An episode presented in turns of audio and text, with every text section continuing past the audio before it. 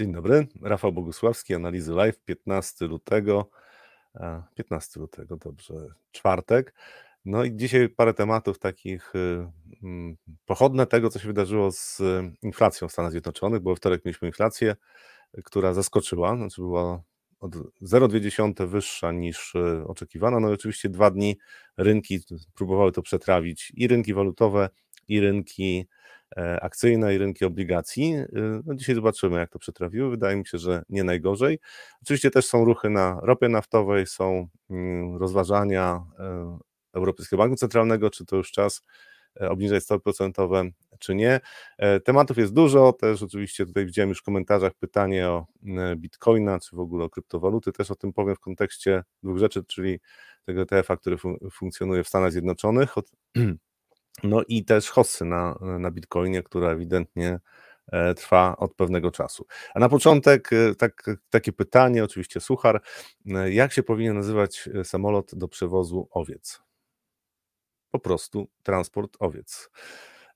To zapraszam na przegląd rynków.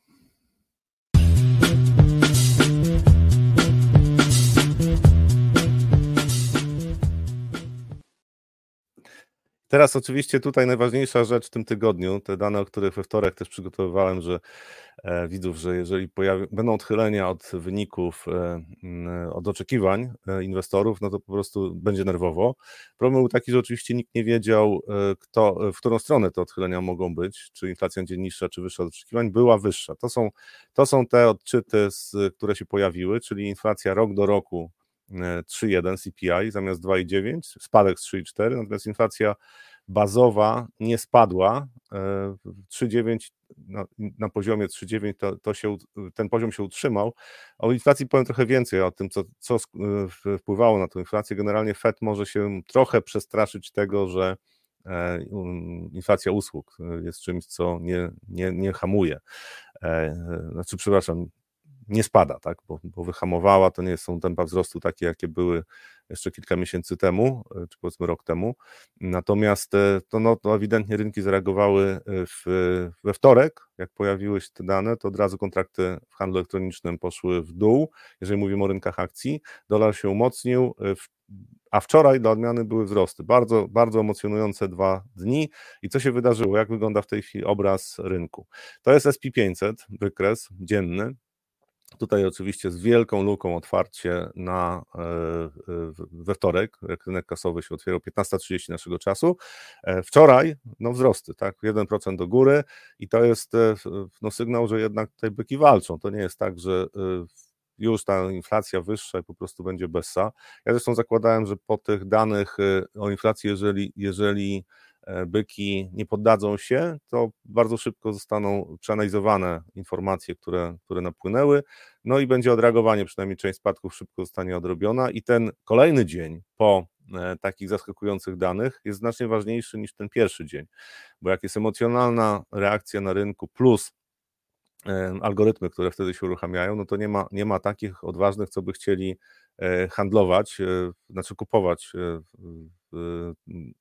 i kontrakty, i akcje.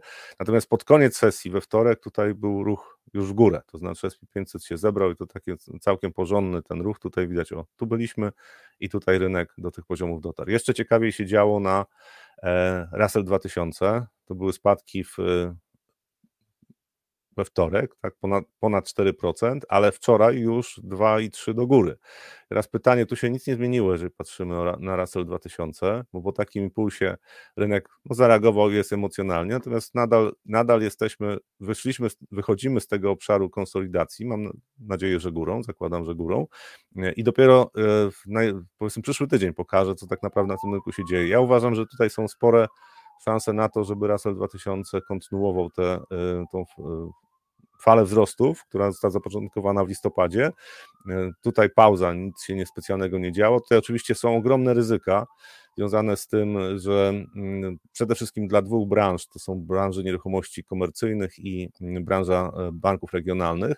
Natomiast jeżeli mamy hossę taką, jak tutaj widać na SP500, czyli praktycznie rynek bez korekt idzie w trendzie wzrostowym. Tutaj, jeżeli przejdziemy na tygodniowe wykresy, to widać, że od początku roku no to praktycznie tylko był jeden tydzień, zaraz po pierwszy tydzień po mm, nowym roku, gdzie były spadki, trend wzrostowy. Oczywiście korekta może się pojawić w dowolnym momencie, natomiast ja zakładam mimo wszystko, że wyhamowanie e, i, i odwrócenie tendencji takie trwałe, no to wymaga trochę czasu. To znaczy ten rynek jest tak w tej chwili jest tak silna, czy tak wielu ludzi było poza rynkiem, zwłaszcza tutaj, że te, te wzrosty ich zaskoczyły i teraz próbują e, nie, dogonić rynek. To, to oczywiście nie ma, nie ma pewności, jak długo takie wzrosty będą kontynuowane, e, natomiast im, oczywiście im wyżej rynek powędruje bez jakichkolwiek korekt, to potem ryzyko bardzo szybkiej, gwałtownej korekty bardzo rośnie, bardzo rośnie. Natomiast na razie, patrząc na ten rynek, no to patrzę i mówię, no okej, okay, no jest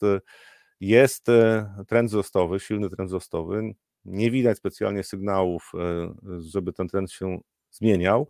Poziom wykupienia rynku, oczywiście przy silnych trendach wzrostowych, to, to nie jest żaden sygnał. To znaczy to, że rynek jest mocno wykupiony i tam wskaźniki pokazują, że, że e, nie powinien dalej rosnąć, bo jest bardzo wykupiony, to przy silnych trendach wzrostowych oczywiście to są pułapki, bo ci, którzy grają na spadki w tak silnych trendach, czyli zajmują pozycje przeciwko głównemu trendowi, bardzo często potem są siłą napędową kolejnego ruchu wzrostowego, bo zamykają te krótkie pozycje i to tak działa. Poziom, do których dojdziemy, nie wiem jak wysoko, natomiast ja obserwuję y, y, nie dlatego, że y, że dr Szum, o widzę SP500 6000, znaczy to jest w ogóle mój docelowy poziom dla SP500 w tej hossie i potem pojawi się według mnie Bessa, natomiast zakładałem, że na razie to powiedzmy te 5100 E, jesteśmy w okolicach 5000 punktów. 5100 to powinna być taka granica, po której jakaś korekta się pojawi. Najlepiej jakby była jakaś rozbudowana, czyli rynek by się trochę przestraszył tym, e, tym, tym chociażby, że gospodarka amerykańska e, z jednej strony jest bardzo silna, jeżeli chodzi o rynek pracy, natomiast tam pewne, pewne sygnały, że trochę ta gospodarka słabnie w najbliższym czasie. E, że prawdopodobnie w najbliższym czasie, to jest coś, co, co, według mnie się pojawi, zwłaszcza w okresie letnim. E, I zakładałem, że po prostu no, ten cykl będzie trwał znaczy, znaczy wystarczająco długo, żeby nie był tak, znaczy żeby nie był tak, tak mocno napędzany tą ucieczką z krótkich pozycji czy niedoważenia rynkowego. Ryzyka są w tej chwili takie, oczywiście tam jest duża koncentracja na największych spółkach, jeżeli chodzi o inwestorów, to oni przede wszystkim big techy obstawiają. Natomiast patrząc na, na tą dynamikę, to, to jeżeli osiągniemy 6000 punktów za dwa miesiące, to też się nie zdziwię. Znaczy, to jest mm, e, przy tej, przy, przy tej euforii, znaczy przy, tym, przy tej sile rynku, tak, bo to jeszcze nie jest taka pełna euforia. Te, te, te, te wzrosty jakby były po 3-4%, tak, no to wtedy faktycznie to już jest euforia, taka dzika hossa. Natomiast, natomiast na razie to jest po prostu silny trend wzrostowy.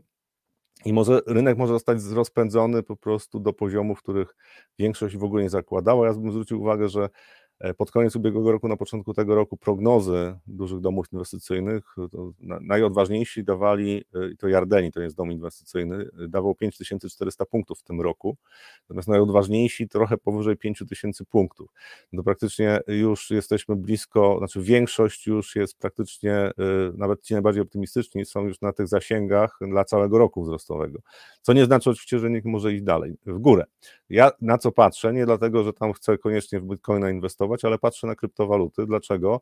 Bo jak popatrzymy na zachowanie e, tego rynku, to jest też tygodniowy wykres, to hossa tutaj to jest też dość dobry wskaźnik w ostatnim czasie, w ostatnich latach. Tu są dwa wykresy. To jest czarny, to jest Nasdaq, Bitcoin to jest ten złoty, tak, czy żółty.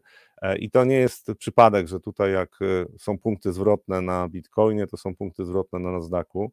Jeżeli popatrzymy w tak trochę dłuższej perspektywie, to są też dane tygodniowe, e, to jak korekty były, oczywiście skala ruchu na Bitcoinie jest znacznie większa, te, te wahania są zdecydowanie większe. Tutaj są dwie skale, tak? To jedna jest dla Bitcoina, druga jest dla SP5, dla Nasdaqa. Natomiast jak popatrzymy w tych okresach, kiedy Bitcoin miał gorszą koniunkturę, to bardzo często też były były reakcje na, e, na, na, rynku akcyjnym. To nie jest wskaźnik oczywiście, który, e, który można bezkrytycznie brać pod uwagę, natomiast to pokazuje, że napływ pieniędzy do ryzykownych aktywów e, postępuje i też spółki, które są związane z kryptowalutami, to jest tam hossa w tej chwili no, dość duża i te wzrosty są nawet po kilkadziesiąt procent dziennie. Tam tu było pytanie od jednego z widzów o, o to, czy można zainwestować w fundusz na bitcoina lub kryptowaluty w, w Polsce. Tak? I z tego, co, co ja wiem, znaczy jeżeli chodzi o fundusze otwarte, bo poprzez ETF-y tak, można, można inwestować, czy poprzez, poprzez brokerów, którzy mają E, instrumenty oparte na Bitcoinie też można, też można inwestować. Natomiast jeżeli chodzi o fundusze, to e, Superfund ma fundusz, e, który inwestuje w spółki oparte na blockchain. Tak? To, to są spółki, które ostatnio bardzo szybko rosną. Tylko ja bym podkreślił jedną rzecz, znaczy Bitcoin, pomimo tego, że ja spodziewam się, że to, że to będzie, że ta hossa będzie jeszcze trwała, ja, ja dużo, dużo wcześniej mówiłem o tym w zeszłym roku, chyba dwa lata temu, że Hossa na Bitcoinie skończy się w momencie, jak przekroczy 80 tysięcy punktów. Może 85, a może być 120, a może być 200 tysięcy, nie wiem, to tylko zależy od skali spekulacji. Natomiast warto pamiętać, że to nie jest coś, co łatwo jest wycenić. Więc ten Bitcoin w tej chwili tylko dla mnie jest sygnałem tego, że tu płyną, płyną pieniądze na gorący rynek. I to jest też sygnał, że e, jak patrzymy na inne ryzykowne aktywa, no to znowu zmiana tendencji tutaj będzie sygnałem ostrzegawczym, że być może ta hossa na rynku akcji już e, zbliża się do końca, natomiast przynajmniej do dużej korekty, natomiast dopóki płyną, pieniądze płyną na Bitcoina i inne kryptowaluty, no to nie wygląda to źle. E, Łukasz, skoro to kanał o funduszach, to a, tutaj to pytanie, które ja wcześniej widziałem, tak, o Bitcoina w Polsce. Z tego co wiem, to tak, takiego funduszu, znaczy biura maklerskie, nie wiem, nie, nie, nie sprawdzałem pełnej oferty, czy tam mają dostęp do ETF-a, który, mm, który inwestuje w e, Bitcoina, natomiast e, no można, można tak poprzez brokerów, można można e, inwestować też poprzez giełdy, tak, e, e, z Bitcoinem chociażby, czy z innymi kryptowalutami. Natomiast dla mnie to w ogóle ten rynek jest niezbadany. Ja tylko patrzę, przyjąłem, że po prostu dla mnie to jest taki dodatkowy wskaźnik sentymentu na rynku. Dopóki tutaj idziemy w górę, a tu nawet jak popatrzymy na dziennych wykresach, to to, co mnie, co sprawia, że ja jestem skłonny zakładać, że mimo wszystko SP500, to tutaj ta korekta, która się pojawiła, czy nawet na Russell 2000, tak, że to, co się wydarzyło e, dwa dni temu, to nie jest e, koniec hossy, między innymi dlatego, że Bitcoin cały czas e, jest w tym trendzie wzrostowym, tutaj te, te, te spadki były minimalne, czyli bardzo dużo kapitału płynie na ten rynek. Podkreślam, to dla mnie to jest tylko informacja, że gorący pieniądz szuka okazji inwestycyjnych i ta faza rozgrzania rynku, ona może trwać miesiąc, dwa, może trzy, może pięć. E, wolałbym, żeby rynek nie szedł w takim tempie do góry, bo potem po prostu rosną naprężenia. Mówię rynku akcyjnym, tak? Natomiast oczywiście to, to co się dzieje na Bitcoinie też jest e, sporym wsparciem, jeżeli chodzi o sentyment rynkowy, tak? Czyli tutaj ludzie widzą, że Bitcoin rośnie, to może warto kupować akcje również. Wane Crypto and Blockchain Innovators. A, to jest e, odpowiedź na to, jaki, e, jaki fundusz można e, inwestować. Doktor Szum powiedział ETF. Bardzo dziękuję za podpowiedź. To co, to, co przykuwa moją uwagę w ostatnich dniach, to jest mm, dolar, rynek walutowy. I tutaj, jak popatrzymy, DX to jest indeks dolara E, to, jest, to są kontrakty na dolara. Jak popatrzymy na to, co się działo w ostatnim czasie, może tutaj powiększę, o, e, to ten trend wzrostowy na dolarze, czyli euro wtedy się osłabia, e, ten trend wzrostowy nie jest bardzo dynamiczny. To nie jest taki trend wzrostowy, gdzie można powiedzieć tutaj inwestorzy kupują dolara, po prostu jest, jest duża hossa na dolarze. Patrząc na to, co się dzieje na dolarze, tutaj ja w, w we wtorek chyba też mówiłem o tym, w poniedziałek, przepraszam, mówiłem o tym, że ten, ten, te poziomy zniesienia 61,8% tego ruchu spadkowego, to są takie poziomy, przy których tutaj rynek może zacząć mm, zaskakiwać, jeżeli chodzi o e, zwrot. E, I e, wtorkowa sesja, ten wzrost dolara, warto zwrócić uwagę, że to jest tylko jeden impuls, tak? To nie jest po takich danych o inflacji, no to silny rynek, to po prostu miałby pretekst do tego, żeby rosnąć kolejne dni. Tutaj były dwa dni wzrostowe podanych o, e, z rynku pracy w Stanach Zjednoczonych, bardzo pozytywnych. No i znowu, jak popatrzymy na to z perspektywy tego, jaka jest dynamika tego ruchu, no to ta dynamika nie jest duża. Znaczy rynek tutaj ewidentnie pokazuje, że nie ma specjalnie e, chęci do kontynuowania ruchu na dolarze. Dlaczego ten dolar jest taki ważny? Bo jeżeli hossa na bitcoinie, tak, e, na bitcoinie czy na Nasdaqu czy w ogóle na, na rynkach akcji, na ryzykownych aktywach ma trwać, to ta, tutaj, jeżeli popatrzymy na dolara, jeżeli dolar zacznie się osłabiać, powiedzmy w najbliższych dwóch miesiącach osłabnie, no to wtedy dodatkowe paliwo dla hossy na rynkach akcji, myślę, na Bitcoinie również. Patrząc na te reakcje podanych, no to tutaj no, tak patrzę i mówię, no chyba, chyba aż e, tak dużo chętnych do kupowania dolara w tej chwili nie ma. To jest oczywiście też pochodne, pochodna tego, że jest bardzo e, duży risk on. E, to jest też coś, co naszej, naszemu rynkowi może pomagać. Jak popatrzymy na WIG20, tak, no to tutaj też była spora zmienność. Mieliśmy E, mieliśmy we wtorek prawie 2% spadku, wczoraj ponad 2% wzrostu, dzisiaj otwieramy się lekko na plus. To, to wahnięcie też tutaj pokazuje tylko to, że rynek jeszcze według mnie nie jest gotów na jakąś wielką wyprzedaż, jeżeli chodzi o WIG20. To jest pochodna według mnie też tego, że y, dolar też nie pokazuje, że była jakaś ucieczka, próby zabezpieczania portfela w tej chwili poprzez kupowanie dolara. Więc y, y, jeżeli w najbliższych dniach dolar będzie kontynuował spadki, tutaj na razie nie ma takich danych według mnie, które mogłyby ten ruch szybko zatrzymać, to znaczy będą później PCI, to jest taka ulubiona miara E, Fedu, jeżeli chodzi o inflację, no ale tydzień mamy jeszcze spokojnie, e, rynek będzie zachowywał się we własnym rytmie. To jeżeli ten ruch będzie kontynuowany, no to oczywiście też przechodząc na polskie waluty, bo to wiem, że są takie pytania, no to jesteśmy e, tutaj w zasadzie w trendzie bocznym, konsolidacja od połowy, od połowy stycznia. Natomiast też jeżeli polski rynek zależy przede wszystkim walutowy, zależy przede wszystkim od sentymentu na rynkach światowych, czyli złoty będzie e, relatywnie e, silny, znaczy może być, może być silny, zwłaszcza jak będzie dobra koniunktura na, e, w ogóle na ryzykownych aktywach, tak? Jeżeli byłby, był, byłby w najbliższym czasie osłabienie dolara, no to tutaj te 3,90 to my pewnie pokonamy. Zachary Zorian powinien się cieszyć, nasz widz, który mówił chyba kilka miesięcy temu, że będziemy chyba poniżej 3,80. No i w takim scenariuszu y, umocnienia, o jest Zachary Zorian, algorytmy pracują, wkrótce wyniki. E, jak, y, mm, jak y, będzie risk on się utrzymywał na rynku, no to prawdopodobne osłabienie dolara to oczywiście przełoży się na tą parę walutową. Jeżeli chodzi na euro PLN, to tutaj jednak spodziewam się, że te poziomy w okolicach 4,30, nawet jakby się dolar osłabiał, tak, czyli byłby popyt na ryzykowne aktywa, to tutaj no, rynek będzie miał spore problemy, żeby zejść znacznie niżej. Znaczy ryzyk dla polskiej gospodarki jest całkiem dużo, e, kwestie zmiany politycznej zostały wygrane, kwestie potencjalnych napływów pieniędzy z KPO też, więc no, tutaj Wydaje mi się, że tutaj silny trend umocnienia na euro PLN jest raczej mniej prawdopodobny. Natomiast na samym dolar PLN tutaj może się dużo wydarzyć, zwłaszcza jak się okaże, że mamy mm, kontynuację hossy i jest risk on. Mm.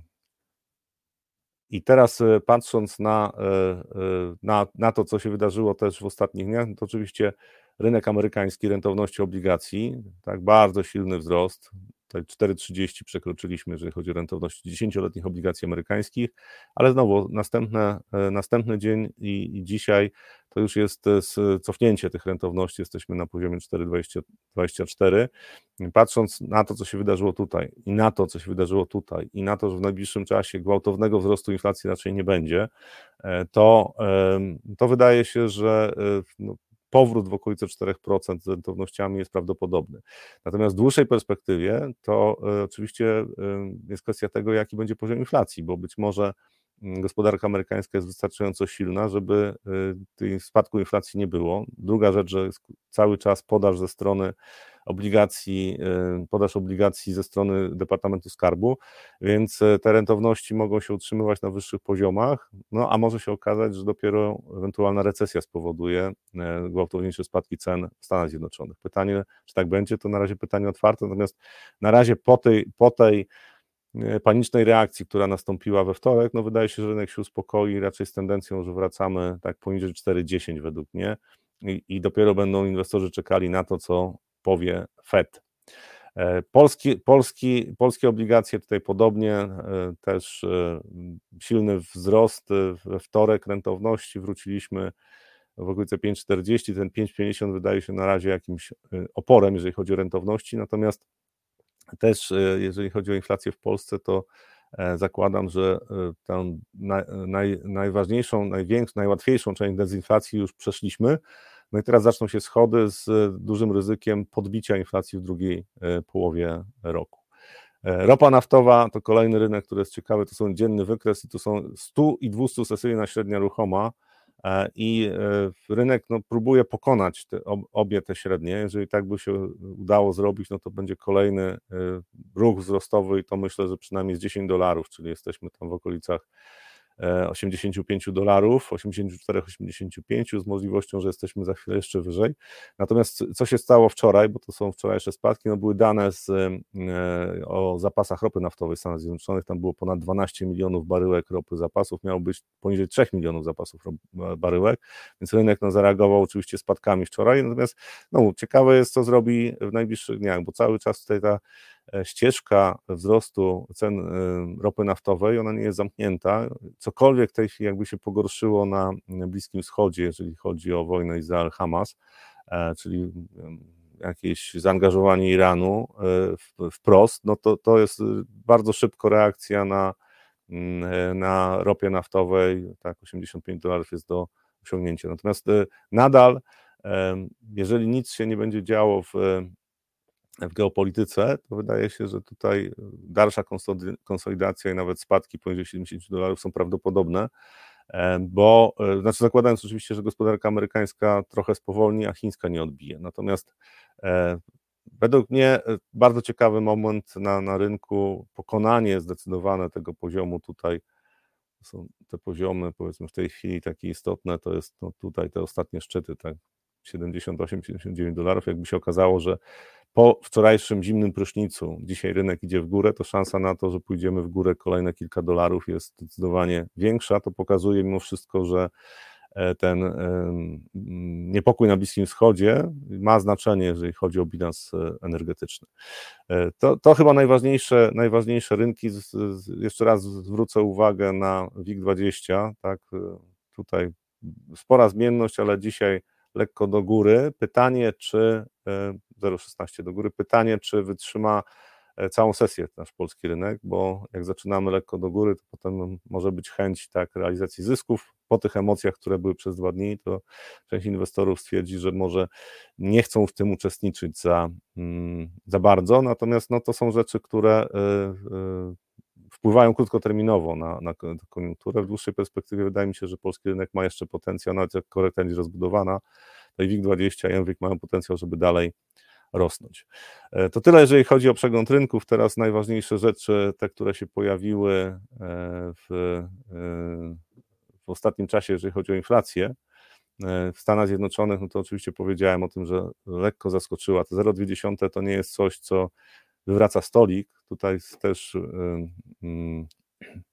Wolf Richter, tak, to jest taki blog, którego, który bardzo lubię, zwraca uwagę na to, że to, co właśnie Fed może zmartwić, to korowa, korowa inflacja e, usług, to jest ten niebieski tak, wykres i trzymiesięczna średnia, one zawinęły w górę. Tak, to jest coś, co e, no, co Fed musi brać pod uwagę, bo to jest też pochodne oczywiście tego, co się dzieje na e, rynku pracy.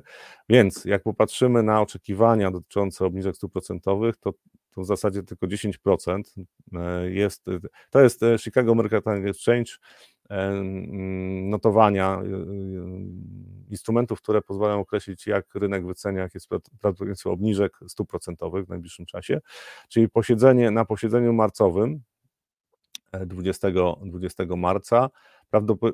Prawdopodobieństwo obniżki stóp procentowych wynosi 10%. Jesteśmy teraz na tych poziomach i tutaj większość rynku jest przekonana, że tak będzie. Ciekawsze jest to, co się będzie działo, jak rynek wycenia e, posiedzenie 1 e, maja, tak? bo e, jeszcze przed informacjami o inflacji, to tutaj, jak popatrzymy, tydzień temu obniżka stóp była spodziewana w czerwcu przez 50%, e, przez 50% uczestników o, o 25 punktów bazowych, natomiast było nawet kilku takich, którzy tutaj pokażę. Było 10% e, takich, którzy uważali, że będzie już 50 punktów bazowych.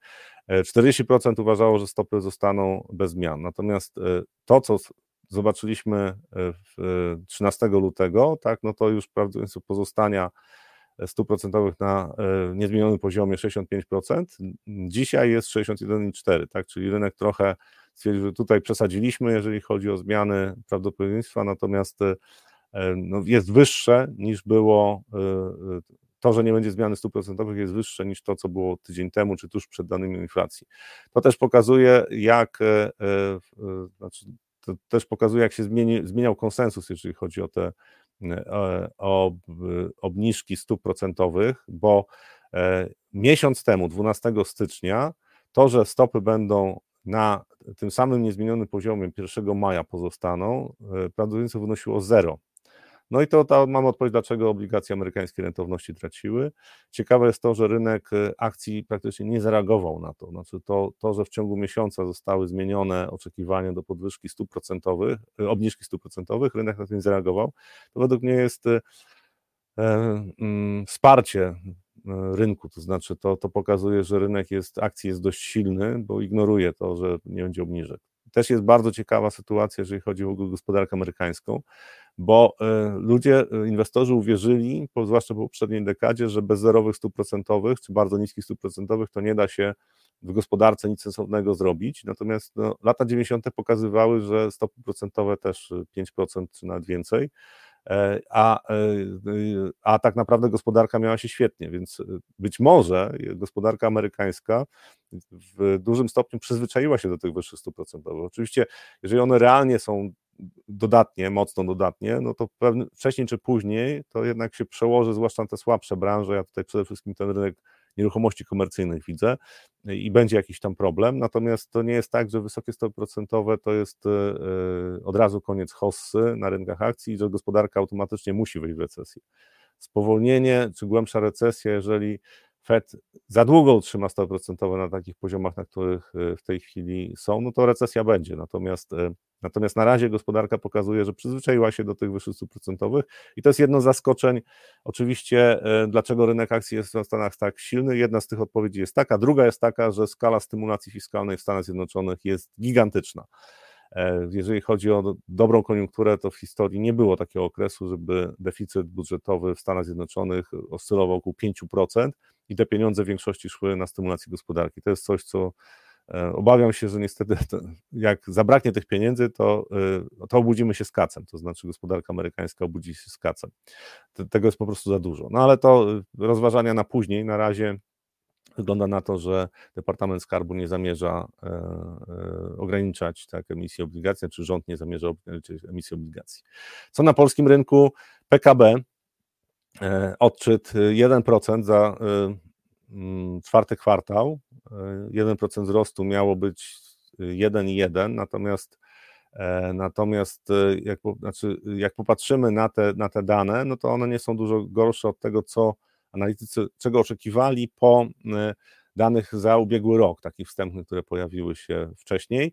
E, natomiast jakie są wnioski? Znaczy, widać, że nasza gospodarka, i tutaj, tutaj jak popatrzymy na e, PKO Research, tak, ekonomiści z PKO, tu sporo rzeczy już opisali na temat tego PKB. Też bank zmienił prognozę wzrostu PKB w tym roku z 3,9 na 3,7 i to jest pochodna tych tych danych, które napłynęły z Polski, to znaczy mam praktycznie e, zerowy wzrost gospodarczy kwartał do kwartału. Tak, jeżeli odsezonujemy wynik, to, to, to kwartał do kwartału, czwarty kwartał do trzeciego nie było zmiany. Natomiast jak popatrzymy, e, jak wyglądał czwarty kwartał rok do roku, no to my jesteśmy tak raz, dwa, trzy, cztery, piątą, piątą gospodarką, jeżeli chodzi o tempo wzrostu w czwartym kwartale w Unii Europejskiej, więc nie jest, e, nie jest źle. Znaczy patrząc, e, patrząc na e, strefę euro, tak, no to, to jest rewelacyjnie, natomiast oczywiście to nie gwarantuje tego, że w najbliższych miesiącach będzie równie dobrze. Moje prognozy na ten rok, jeżeli chodzi o PKB, są pomiędzy 2 i 3%. To wyhamowanie konsumpcji w czwartym mm, kwartale, które nastąpiło, E, i spodziewane jednak osłabienie e, eksportu, ze względu na to, że Niemcy będą miały jednak problemy przez większość tego roku, jeżeli chodzi o przemysł, w ogóle jeżeli chodzi o gospodarkę, no to jest taki czynnik, który, mm, e, który sprawi, że nawet te efekty przeniesienia, czyli to, że powiedzmy trzeci kwartał w ubiegłym roku był wzrostowy, ten pierwszy, pierwszy drugi kwartał poziom, poziom PKB był niższy, czyli ten efekt przeniesienia na ten rok jest istotny, to mimo wszystko przy tych tendencjach, które widzimy, nawet jak konsumpcja indywidualna się mocniej odbuduje, to myślę, że tutaj 3% będzie bardzo trudno pokonać. To nie, to nie jest coś, co radykalnie zmienia postrzeganie polskiego rynku, natomiast to jest jedna, jeden z argumentów e, za tym, że e, RPP na przykład nie będzie podnosiła 100%, nawet jeżeli będzie rosła inflacja. Dlaczego? Bo nie będą chcieli mm, chłodzić dodatkowo gospodarki, bo ten wzrost będzie trochę bardziej spokojny. Natomiast to RPP jest oddzielnym tematem, bo E, tutaj myślę, że tego się nie, nie da zaprognozować, natomiast pretekst może do tego być. To pewnie też by się przekładało na siłę złotego, to znaczy niższy wzrost gospodarczy to jest e, tendencja do osłabienia złotego, czy niższy zdecydowanie od tego, co inwestorzy, e, czego oczekiwali wcześniej, natomiast i tak decydujące będzie to, co się będzie działo na świecie risk-on czy risk-off. Jeszcze temat, który, o którym, o którym też wspomnę, czyli Nikkei, e, bardzo blisko rekordów e, wszechczasów, czyli tam rekord zamknięcia był poniżej, w 1989 roku zamknięcia sesji było poniżej 39 tysięcy punktów. Przez chwilę w, w, ciągu dnia rynek był powyżej 40 tysięcy punktów, no i e, teraz brakuje mu tam około 3%, jeżeli mm, patrzymy na, na zamknięcie historycznie najwyższe, to brakuje temu rynkowi 3%. To jest ciekawa rzecz, co, co napędziło w ostatnim czasie wzrosty. Tam jest duża reforma, e, jeżeli chodzi o takie fundusze y, inwestycyjne, powiedzmy oszczędnościowe, tak, ale zwolnione od podatku, bo e, zapraszam do przeczytania artykułu na naszej stronie analizy.pl, jest mój artykuł na temat tego, jak to wygląda e, ostatnio i w tym roku po prostu została podwojona wartość, możliwość inwestowania w taki fundusz właśnie wzrostowy, taki konto wzrostowe, które e, jest zwolnione od podatku. Wcześniej było przez 5 lat zwolnione od podatku, teraz jest bezterminowo, to znaczy ludzie mogą pewien limit wpłacić. To w tej chwili ten limit wynosi 2,4 miliona jenów, tak, nie chcę, w artykule, zapraszam do artykułu. Natomiast generalnie e, Japończycy rzucili się do inwestowania na rynku akcji, nie tylko japońskich, ale w ogóle na rynku akcji. I to jest też odpowiedź, dlaczego e, ten rynek został e, dostrzeżony w ostatnim czasie, w zasadzie on w, na przykład w tym okresie korekcyjnym na większości rynków, czyli koniec lipca ubiegłego roku do października, on się zachował relatywnie dobrze i znowu się potwierdziła E, stara prawda, że jeżeli w okresach korekty jakieś rynki zachowują się mocno, to znaczy, że jak poprawi się koniunktura, takie rynki rosną bardzo, e, bardzo szybko.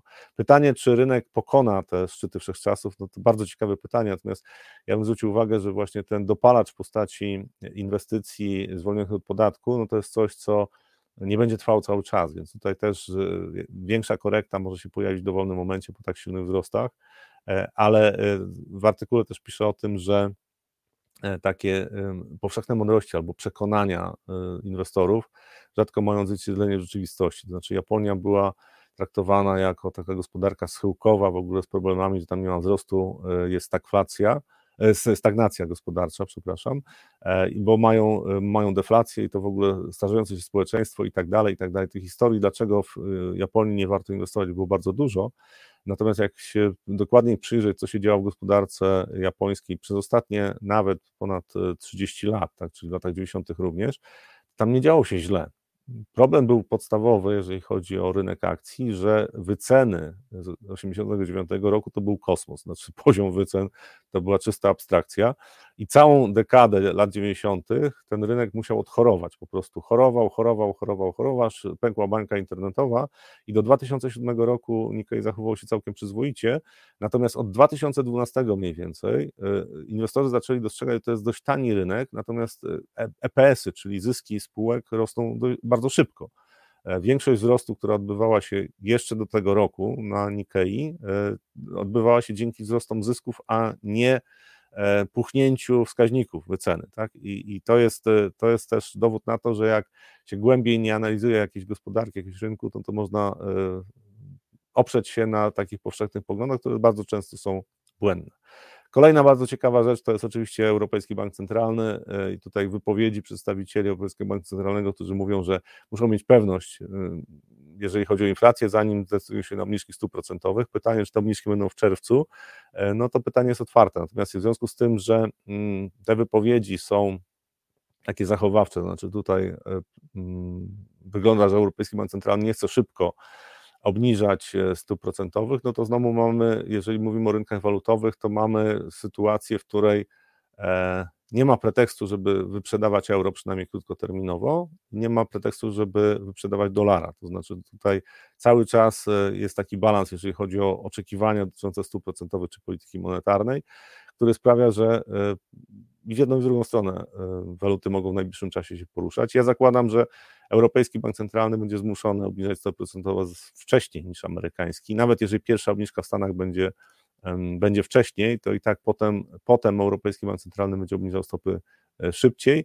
E, ta dyskusja e, ma znaczenie przede wszystkim z punktu widzenia rynków walutowych i obligacyjnych. Jeżeli chodzi o rynki europejskie akcyjne, to wydaje mi się, że przede wszystkim to jest sentyment do bardziej ryzykownych aktywów i nadzieję na to, że gospodarka europejska po tym wstrząsie, którym był lockdowny, utrzyma, na przykład spółki utrzymają wyższe marże. Pytanie, czy tak będzie, no to znowu jest bardzo bardzo ciekawe pytanie. Ja zakładam, że tak nie będzie, to znaczy w perspektywie kilku lat w Europie wróci marazm, ale jeżeli chodzi o wyniki spółek, e, czyli marże się obniżą. E, natomiast e, krótkoterminowo to tutaj i FED, i Europejski Bank Centralny mogą namieszać sporo, zwłaszcza jeżeli chodzi o rynek obligacji i rynek walutowy. No i Bitcoin. Bitcoin. Mówiłem o, o tym, że postrzeganie, że postrzeganie Bitcoina że postrzeganie bitcoina moje jest takie, że to jest po prostu sygnał, że waluta płynie do e, bardziej ryzykownych aktywów. Ta hossa trwa. E, naj, najgorszy sentyment był oczywiście, jak, jak Bitcoin był na minimach lokalnych, e, to wtedy tam, że za chwilę będzie 8 tysięcy 8 tysięcy dolarów albo 5 tysięcy dolarów. Jesteśmy po bardzo silnych wzrostach, 51 tysięcy punktów pokonane.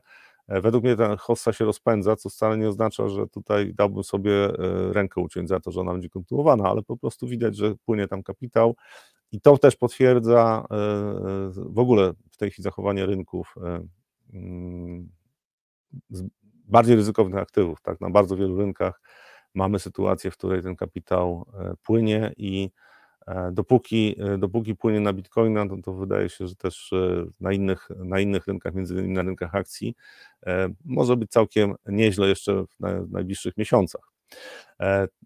Oczywiście tutaj ten artykuł jest o tym, że JP Morgan mówi, że zainteresowanie tym spotowym ETF-em, który z spotowego bitcoina inwestuje, że nie jest tak duże, jak, jak się spodziewano. No z jednej strony mamy tak, że jest rozczarowanie, jeżeli chodzi o napływy do tego ETF, a z drugiej strony sam Bitcoin zachowuje się bardzo dobrze.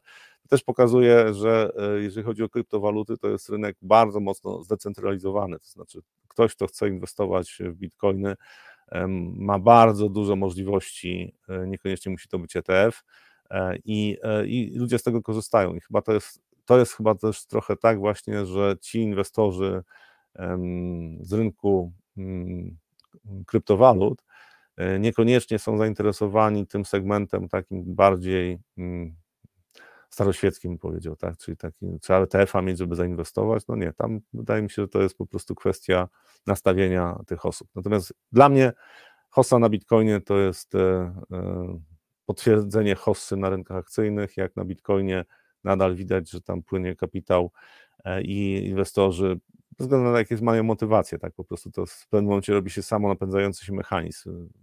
Bitcoin rośnie, więc pojawiają się kolejni spekulanci i tak dalej, i tak dalej. Kończy się na zazwyczaj euforią, e, więc e, dopóki ta euforia się nie pojawiła tak ekstremalna na Bitcoinie, no to myślę, że po prostu diagnoza jest prosta. No, inwestorzy poszukują e, aktywów E, bardziej ryzykownych i próbują wykorzystać to e, dobrą koniunkturę mm, nie tylko na, na kryptowalutach, ale na innych rynkach też. E, bardzo dziękuję za dzisiaj. Zapraszam jutro 8.45. Na rynkach pewnie nie zabraknie tematów, o których można by porozmawiać. Ja życzę miłego dnia i do zobaczenia jutro.